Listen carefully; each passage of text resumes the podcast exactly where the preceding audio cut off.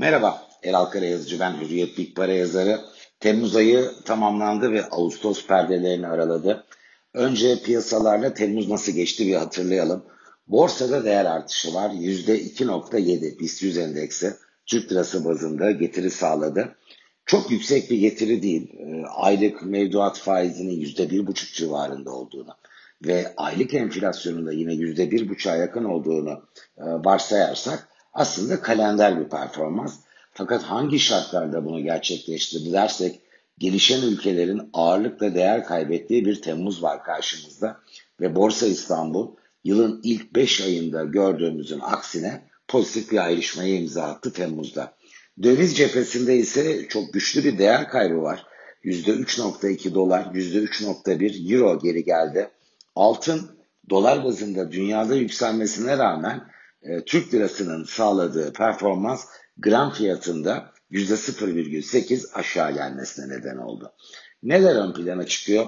Şüphesiz e, delta varyantıyla salgın yine ön planda ve e, finansal piyasalarda dikkatle ülkelerin aşılama oranları takip ediliyor. Bu konuda gelişmiş ülkelerde ortalama %50 civarında iki doz aşı tamamlandı ve bu oldukça yüksek bir oran. O %70 ihtiyaç olarak ortaya konmuştu sağlık uzmanları tarafından. Gelişmiş ülkeler buna yaklaşmaya çalışıyorlar. Dünya genelinde ise ortalama %15 de seyrediyor. Şimdi ülke bazında baktığımızda hep ilk akla İsrail geliyor. Çok hızlı girmişlerdi aşılamaya. Fakat İsrail iki doz aşıyı tamamlama oranında liderliği kaybetti. %62 ile ikinci sırada liderse İtalya %63,5'la öne çıktı. Almanya'da %51, hızlı başlayan Birleşik Krallık'ta İngiltere cephesinde %56. Türkiye %33, Avrupa ile arasında bir makas var. İstediğimiz noktada değiliz. Fakat diğer gelişen ülkelere baktığımız zaman örneğin Meksika'da bu oran %20, Brezilya'da %20, Rusya %17, Suudi Arabistan 23, Malezya 21.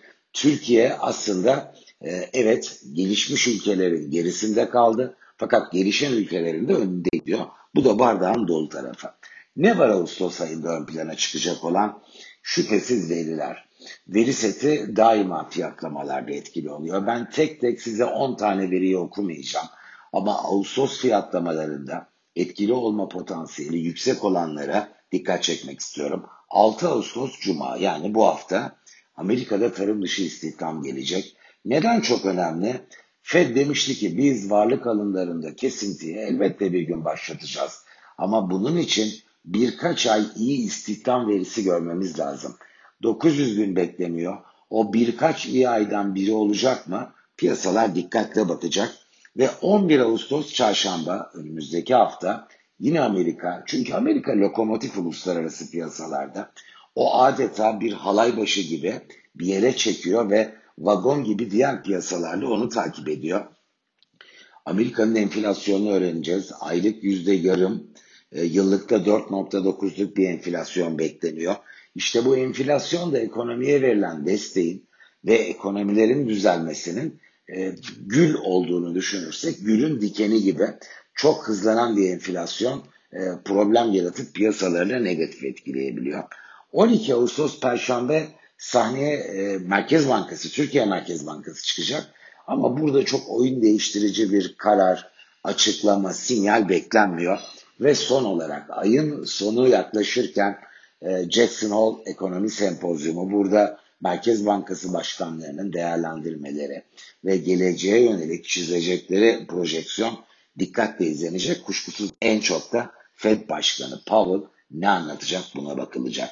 Şimdi teknik seviyelerden e, fal tutarak e, bu e, podcast'i noktalayalım dersek Borsa İstanbul yıla 1477 puanla başlamıştı ve aslında %10'luk 8 ayın enflasyonu dikkate alındığında bir bakıma reel başa baş noktası 1625 iken e, karşımızda 1393 ee, puanda bir borsa İstanbul var. Eğer bu yıl %16'lık bir enflasyonla noktalanırsa reel olarak bir kayba ya da kazanca imza atmadı dememiz için BIST'in 1713 civarında bir kapanış yapması lazım. Mümkün mü? Bana sorarsanız mümkün. Ağustos'ta çok sert, çok keskin bir yükseliş olması kolay gözükmüyor. Daha ılımlı hareketler olacağını düşünüyorum. Fakat daha önce de paylaştığım üzere Şubat 2022'ye kadar olan kesitte e, borsanın bu farkı kapatıp çünkü geriye düştü yüzde 15 kadar altında reel olarak o sene başının. E, bu farkı kapatıp en azından reel olarak başa başın bir parça üzerinde 1800-2000 puan aralığında bir yıl sonu değilse de Ocak sonu diyelim. Çünkü Ocak genelde iyi geçiyor. E, bence mümkün. Ama ay özelinde 1425 puanın frenleyici bir e, direnç olabileceğini düşünüyorum. 1393 olan geçen ayın kapanışının %2.3 üzerinde bu. Geri salınımlarda 1375 puan civarının etkili olma ve rotayı tekrar yukarıya çevirme potansiyelinin de yüksek olduğunu düşünüyorum. Yakın bu da kapanışın 1.2 kadar altında ama daha kalın çizgilerle güçlü bir alım gelirse neresi daha bir hudut düzeyinde düşünülebilir dersek ben Ağustos özelinde 1475 puan civarını önemsiyorum. Benzer şekilde dolar TL ile noktalayalım. 8.15 civarı bence güçlü bir destek. Geri çekilme olursa ay pozitif geçer. Temmuz gibi Ağustos'ta da Türk lirası e, bir getiriye imza atarsa bence 8.15 oldukça güçlü bir destek ve aşağıya geçilmesi çok kolay değil. Ama rahatlıkla gerçekleşebilecek e, yukarı yönde bir harekette dünyada yükselirse dolar bu ay Türkiye'ye yansıyabilir. O kadar güçlü bir ayrışma e, Ağustos'ta kolay gözükmüyor. 8.65 civarında ay genelinde rotayı tekrar aşağı çevirme şansı yüksek olan bir direnç olarak ajandalara not edilebileceği görüşündeyim.